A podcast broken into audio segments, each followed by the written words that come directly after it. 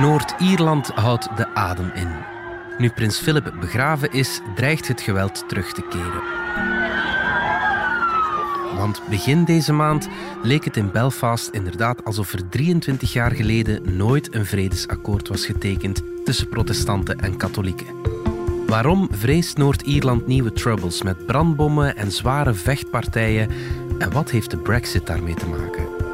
Het is maandag 19 april. Ik ben Alexander Lippenveld en dit is de podcast van de Standaard.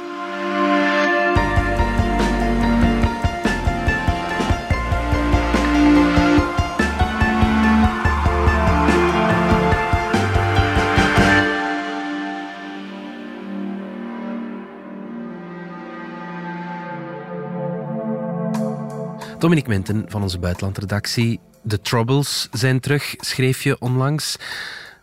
Herinner ons nog eens wat dat juist waren, die Troubles.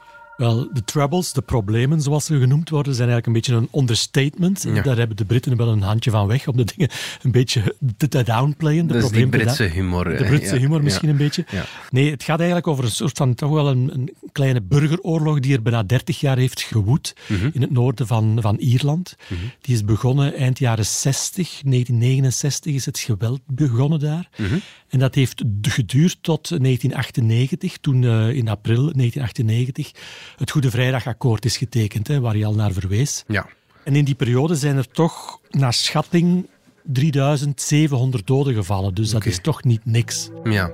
En hoe is het tot die burgeroorlog kunnen komen? Wel, dan moeten we eigenlijk teruggaan naar de jaren 20 van vorige eeuw. Toen heeft in 1921 heeft het zuiden van Ierland dan heeft, een, heeft zijn onafhankelijkheid gekregen van de Britten. Mm het probleem was dat er in het noorden van het eiland heel wat protestanten woonden. Ja. Uh, er waren vooral Schotse emigranten die dus naar Ierland waren gereisd. Ja. En die wilden eigenlijk heel graag bij het Verenigd Koninkrijk blijven horen. Dus waren de protestants en de Church of England was hun kerk. Mhm. En zij wilden dus bij Londen blijven horen. En dan is er eigenlijk een opdeling gekomen van dat eiland. Mhm. Dus je hebt het grootste stuk, het zuiden, is onafhankelijk geworden. Daar woonden vooral katholieken. En maar een derde van het eiland, het noordelijke, het Ulstergebied, is bij het Verenigd Koninkrijk gebleven. Mm. Het heeft wel een soort van onafhankelijke status gekregen. Uh, Noord-Ierland kreeg een soort van zelfbestuur. Mm. Dat zelfbestuur werd eigenlijk vooral waargenomen door, door die protestantse meerderheid die er toen nog was. Ja. En zij hebben eigenlijk de katholieken die daar ook wel bleven wonen, mhm. slecht behandeld. Okay. Ze voelden zich een beetje superieur, protestanten. Ze kregen de beste banen, ze verdeelden de beste banen onder elkaar. Dat leidde tot steeds meer ongenoegen en steeds meer woede bij die katholieke minderheid, die zich tweederangsburgers voelden en ook wel zo werden behandeld. En uh, dat is van kwaad naar erger gegaan. Dus in, van begin jaren 60 is dat verzet daartegen, tegen die achterstelling groter geworden. Hmm. Is dat ook een soort van paramilitaire organisaties ontstaan. Ja. Is de IRA... De IRA is daar eigenlijk de, de bekendste, de, bekendste van, geworden, hè, de grootste groep. Hè. En in Londen had men dat ook door, dat er iets aan de hmm. hand was. En men heeft dan eigenlijk dat zelfbestuur een beetje afgenomen terug van de protestanten in Noord-Ierland. Men heeft dan ook Britse soldaten naar het noorden gestuurd. Mhm. En aanvankelijk waren daar de katholieken niet rouwig om, want zij dachten, ah, oké, okay, onze rechten worden dan beter beschermd, want die Britse soldaten die komen ons eigenlijk een beetje ter hulp. Ja. Maar vooral dan die, die paramilitaire groepen, die zagen dat toch niet zitten. Die zagen dat toch als een soort van militaire indringers. Mhm. En dan is dat eigenlijk beginnen escaleren tot echt een, een soort van burgeroorlog. Hè. Er zijn toen heel veel wapens op dat eiland gekomen. Mhm. En is er een soort van kleine burgeroorlog ontstaan, waarbij dus Britse katholieken zijn gestorven, die, vooral leden van het IRA, het Ierse Republikeinse leger, die dus die aansluiting wilden met het zuiden, en de Britse soldaten. En dat heeft geduurd tot het zogenaamde Goede Vrijdagakkoord van 1998. The principle of consent is absolute and is throughout the agreement.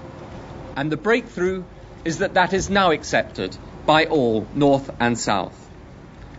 Also, those who believe in a united Ireland can make that case now by persuasion, not violence or threats. Dat was de toenmalige Britse premier Tony Blair na het ondertekenen van het Goede Vrijdagakkoord in 1998. Dat akkoord heeft toen eigenlijk een einde gemaakt aan heel wat problemen in de regio. Zijn die problemen nu terug met die rellen van afgelopen week? Ik denk dat het te ver gaat om te zeggen dat de troubles echt gaan terugkomen. Het is moeilijk om in de toekomst te kijken, maar voorlopig ziet het daar niet naar uit. Mhm. Maar er zijn wel steeds meer problemen op dat Noord-Ierse stuk van het Ierse eiland. En dat heeft ook voor een groot stuk te maken met de brexit die er gekomen is. Ja, een podcast over Groot-Brittannië en alles wat daar rond ligt zonder de brexit te vernoemen, Dominique, dat, uh, dat is de laatste jaren niet meer mogelijk. Het wordt heel moeilijk, inderdaad. En inderdaad, de, de brexit speelt toch een rol. Mm -hmm. Ik zeg niet dat alles weer ook door die brexit in een stroomversnelling is gekomen, maar op de achtergrond speelt dat ook wel mee. Mm -hmm. De, de relschoppers, denk ik ook, die gebruiken ook die brexit een beetje als excuus om te gaan rellen. Mm -hmm. Wat waren dan de gevolgen van die brexit voor de situatie? Op het, Ierse, het hele Ierse eiland?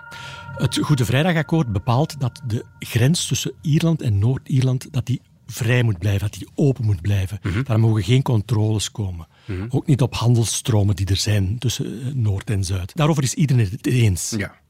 Maar door de brexit hoort Noord-Ierland eigenlijk niet meer bij de Europese Unie en moeten er dus eigenlijk wel controles zijn ja. van goederen. Ja, ja, ja. Maar omdat die niet mogen gecontroleerd worden op de grens, op de landsgrens, ja. is er een systeem uitgedacht dat goederen die vanuit het Britse eiland naar Noord-Ierland worden gescheept, mm -hmm. dat die eigenlijk in de Ierse Zee, aan de havens eigenlijk dan, mm -hmm. dat die daar gecontroleerd moeten worden. Als die aan de eisen voldoen, dan kunnen ze Noord-Ierland binnen en dan kunnen ze ook naar, naar het Ierse eiland vervoerd worden. Ja, ja, ja. Het probleem is dat die controles heel moeilijk verlopen. De Britten maken daar geen werk van. Ze slepen met hun voeten daarmee. Daardoor hebben we gezien dat vanaf begin dit jaar uh, de bevoorrading van het Noord-Ierse eiland moeilijk verloopt. Ja. Winkels uh, staan half leeg. Er zijn problemen ook met uitvoer. Dus uh, daar is een soort van ongenoegen over. Ja. En dat voedt eigenlijk bij de Noord-Ierlen het gevoel van ja, wij worden aan ons lot overgelaten. Mm -hmm. Zeker bij die protestanten die daar wonen. En wij worden eigenlijk steeds meer in de armen van de Ierse Republiek gedwongen. En dat willen we eigenlijk niet. En die frustratie die wordt steeds groter en die ligt mee aan de basis van de rellen die er nu geweest zijn. Mm -hmm. Maar tegelijkertijd spelen er ook andere dingen hoor. Mm -hmm. Vertel.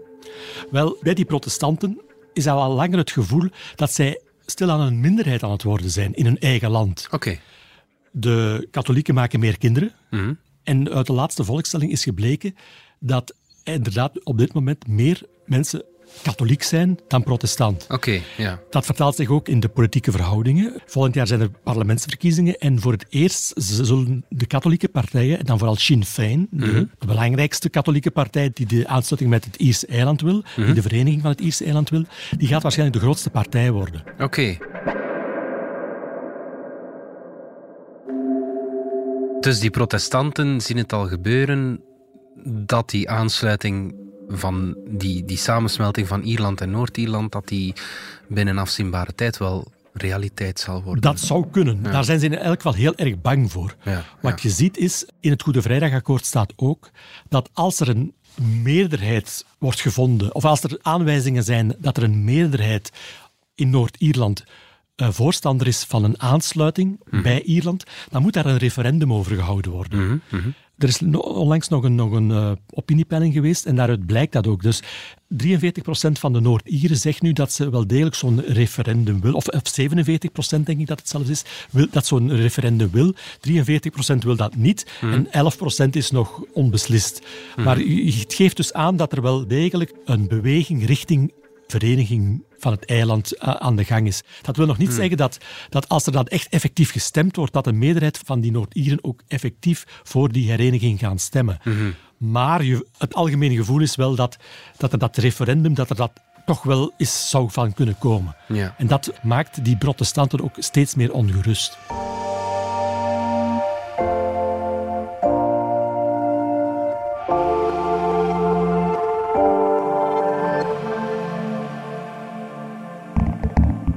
Can be no place in our society for violence or the threat of violence, and it must stop. Just as it was wrong in the past and was never justified, so it is wrong now and cannot be justified. The injury to frontline officers, victims terrorised, damage to people's property, the harm to Northern Ireland's image in this our centenary year has taken us backwards. And no brick, no bottle, no petrol bomb thrown has achieved or can ever achieve anything but destruction, harm, and fear. Dat was de Noord-Ierse premier Arlene Foster over de rellen in de Noord-Ierse hoofdstad Belfast. Die spanning is daar vandaag nog heel erg voelbaar. Klopt. Als je naar Belfast rijdt en je gaat dan naar de, de moeilijke wijken, dat zijn meestal ook de achterstandswijken, mhm. die liggen langs uh, Schenkel Road en Falls Road. Er zijn nog andere, andere wijken die, die echt wel moeilijk zijn. Mhm. Daar voel je echt die spanningen nog. Dat zijn ook echt wel nog altijd gesegregeerde samenlevingen. De voorbije dertig jaar is er wel een vredesproces geweest en zijn er heel veel inspanningen geweest om de twee gemeenschappen dichter bij elkaar te brengen. Maar je kan niet zeggen dat dat echt perfect gelukt is. Mm. Integendeel zelfs. Mm. Je ziet nog altijd dat die mensen, de katholieken, in katholieke wijken wonen sturen hun kinderen naar katholieke scholen. Protestanten wonen in protestantse wijken, sturen hun kinderen naar protestantse scholen. Mhm. Er staan muren tussen die twee gemeenschappen op verschillende plaatsen, hoge muren. Dus je proeft daar ook nog altijd de vijandigheid tussen die twee gemeenschappen. Dat is niet overal zo, maar zeker in Belfast, maar ook in Derry, mm Londonderry, zoals uh, de, de Britten het willen, maar Derry voor de, de, Ierse Republikeinen. De tweede stad van het land, die mhm. ligt helemaal in het noordwesten. Mhm. Daar voel je ook wel die, die spanningen nog hoor. Dus op dat vlak zijn er de voorbije dertig jaar wel stappen vooruit gezet, maar dat alle problemen weg zijn, helemaal niet. Wat ik niet helemaal snap, Dominique, is waarom die Noord-Ieren bij de Brexit-onderhandelingen toch hebben ingestemd met deze deal, die er eigenlijk voor zorgt dat Noord-Ierland en Ierland dichter bij elkaar gaan zijn ze daar ook niet... Dus zeker de protestantse leiders. Dan heb je de, de DUP, dat is de grootste protestantse partij. Die levert op dit moment ook de premier, Arlene Foster. Mhm.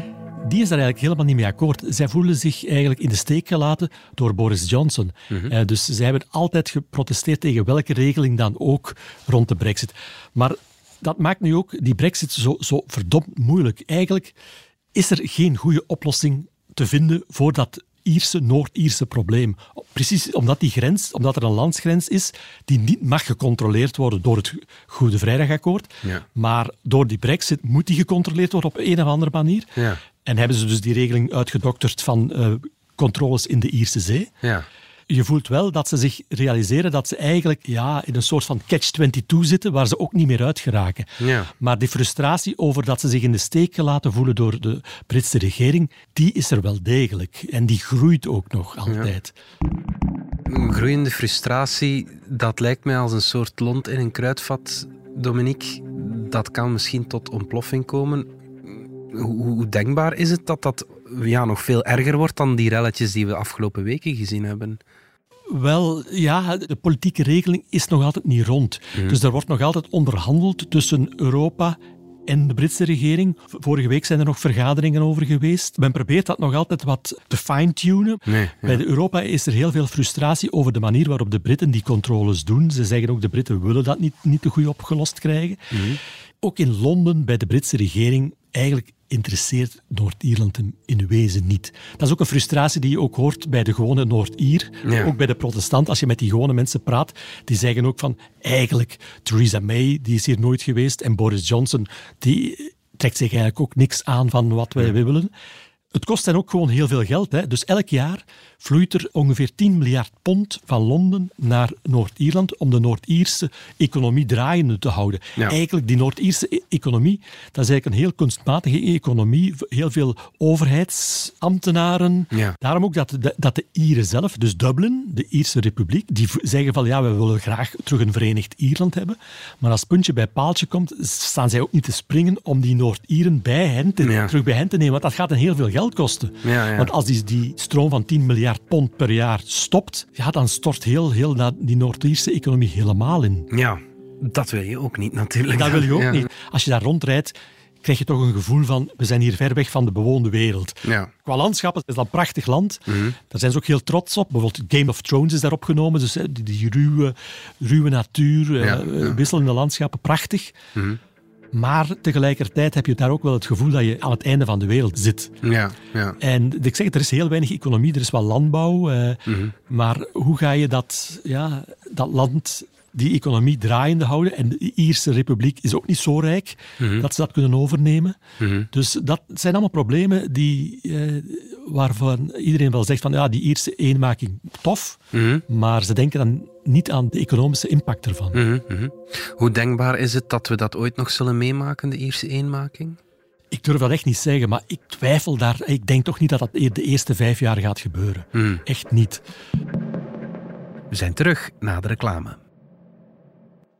Je overweegt een elektrische of hybride wagen? Luister dan naar Plan Elektrisch Rijden, een podcast waarin actrice en Joe DJ Elke van Mello Ik ben weg. op onderzoek gaat. We horen helemaal niks. Experts van Hedin Automotive, de grootste dealergroep van Mercedes-Benz in België, geven antwoorden op jouw maat. Strikt genomen geef je geen gas, maar stroom. Maar zeg maar gas geven. Luister naar Plan Elektrisch Rijden.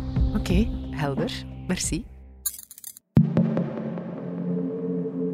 Over een paar weken, Dominique, is het 100 jaar geleden dat Noord-Ierland en Ierland gesplitst zijn op 3 mei. Ja, zo'n verjaardag, dat kan wel eens tot hoogoplopende emoties leiden. Hè? Klopt, zeker. Dus dat is een datum waar, waar op het eiland erg naar gekeken wordt. Ook wel met een bang hart. Veel meer dan hier in, in, dan in Vlaanderen of in Wallonië. Leven ze daar nog toch bij, bij gratie van, van symboliek. Hè. De oranje marsen, de herdenkingen van de, de, de nederlagen of de overwinningen zijn er nog altijd heel erg, heel erg levendig. Dat zie je ook als je, als je door het Noord-Ierse land rijdt. Ik was er twee jaar geleden nog, eh, heb ik heel de, de grens afgereden. Dan kom je in dorpjes en dan zie je daar plotseling nog heel die straten, de hoofdstraten, die, die dan vol eh, banieren hangen en vlaggetjes. En dan wordt Soldier F herdacht. Eh, Soldier F is een van de Britse soldaten die verantwoordelijk waren voor eh, Bloody Sunday. Oké. Een van de zwaarste aanslagen eh, in Derry. Ja. Waarbij het Britse leger is beginnen schieten op, op, betogers, katholieke betogers. Er zijn toen veertien doden gevallen. Ja. En een van die Britse soldaten, Soldier F, die moet nog altijd zijn proces krijgen. En dus dat is, dat is ondertussen al bijna 50 jaar geleden, Bloody Sunday. Ja. En toch wordt daar nog, ja, worden daar elk jaar nog, eh, zeker in de periode van de Oranje Marsen, begin eh, juli, als, de, als de protestanten, de, de unionisten zoals ze zichzelf noemen, eh, hun overwinning op de katholieken herdenken. Wordt ook dus die Soldier F, hij is een mythische figuur, wordt dan al- nog altijd verheerlijkt. Dat, dat, ja, die geschiedenis is lang nog niet vergeten en is nog heel, heel erg levendig in, in het alledaagse leven. En dat maakt ook dat het, dat het een kruidvat blijft waarbij het echt elk vonkje je- Potentieel gevaarlijk is. potentieel gevaarlijk is. Iedereen is zich daar ook wel van bewust hoor. Eh, dat zag je ook na de, na de, de rellen van vorige week. Zelfs het Witte Huis, eh, Joe Biden heeft Ierse roots, Ja. liet ook weten dat, hij- dat het echt niet mag ontsporen. Die politieke leiders die dragen een zware verantwoordelijkheid. Hè, want de, de voorbije maanden zijn ze ook weer beginnen stoken. De DUP van Arlene Foster is dan beginnen zeggen van ja, dat Noord-Ierse akkoord, hè, de, de regeling die eh, rond Brexit is, is ge- gesloten, die, die werkt niet. En eh, de Britten willen eigenlijk ook niet dat het echt opgelost geraakt. Daar, daarvan maken ook de paramilitaire organisaties die er nog altijd zijn. Hè. Protestantse kant heb je een aantal eh, loyalisten, noemen ze zich. De paramilitairen, Ja. die, die tot, ja, tot voor het vredesakkoord met de wapens eh, hadden. Dus er circuleren nog altijd wapens op, eh, nog heel wat wapens op dat eiland. Die gebruiken dat dan om rekeningen te vereffenen.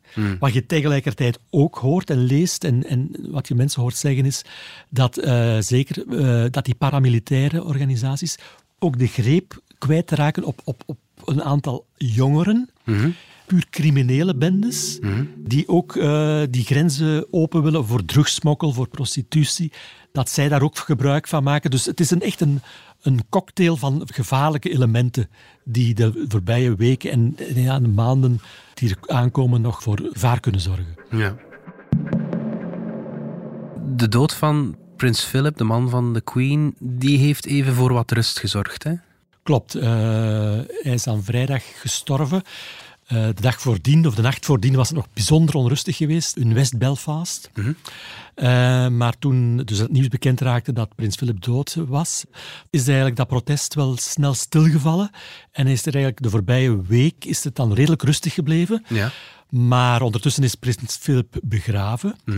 En kondigen de loyalisten, dat zijn eigenlijk de harde protestanten, de, de paramilitaire groepen, kondigen nieuwe betogingen aan. Een hele week van, van nieuwe betogingen, een soort van burgerlijke ongehoorzaamheid waarin ze hun grieven, hun frustraties opnieuw willen tonen eh, eh, aan de wereld. Ja. Dus eh, het zou wel eens een heel onrustige week kunnen worden opnieuw in, in Belfast en in heel Noord-Ierland. Ja, oké. Goed, Dominique Minten, dankjewel. Graag gedaan. Dit was de podcast van De Standaard. Bedankt voor het luisteren. Reageren kan via podcast.standaard.be. Alle credits vind je op standaard.be-podcast. Morgen zijn we opnieuw.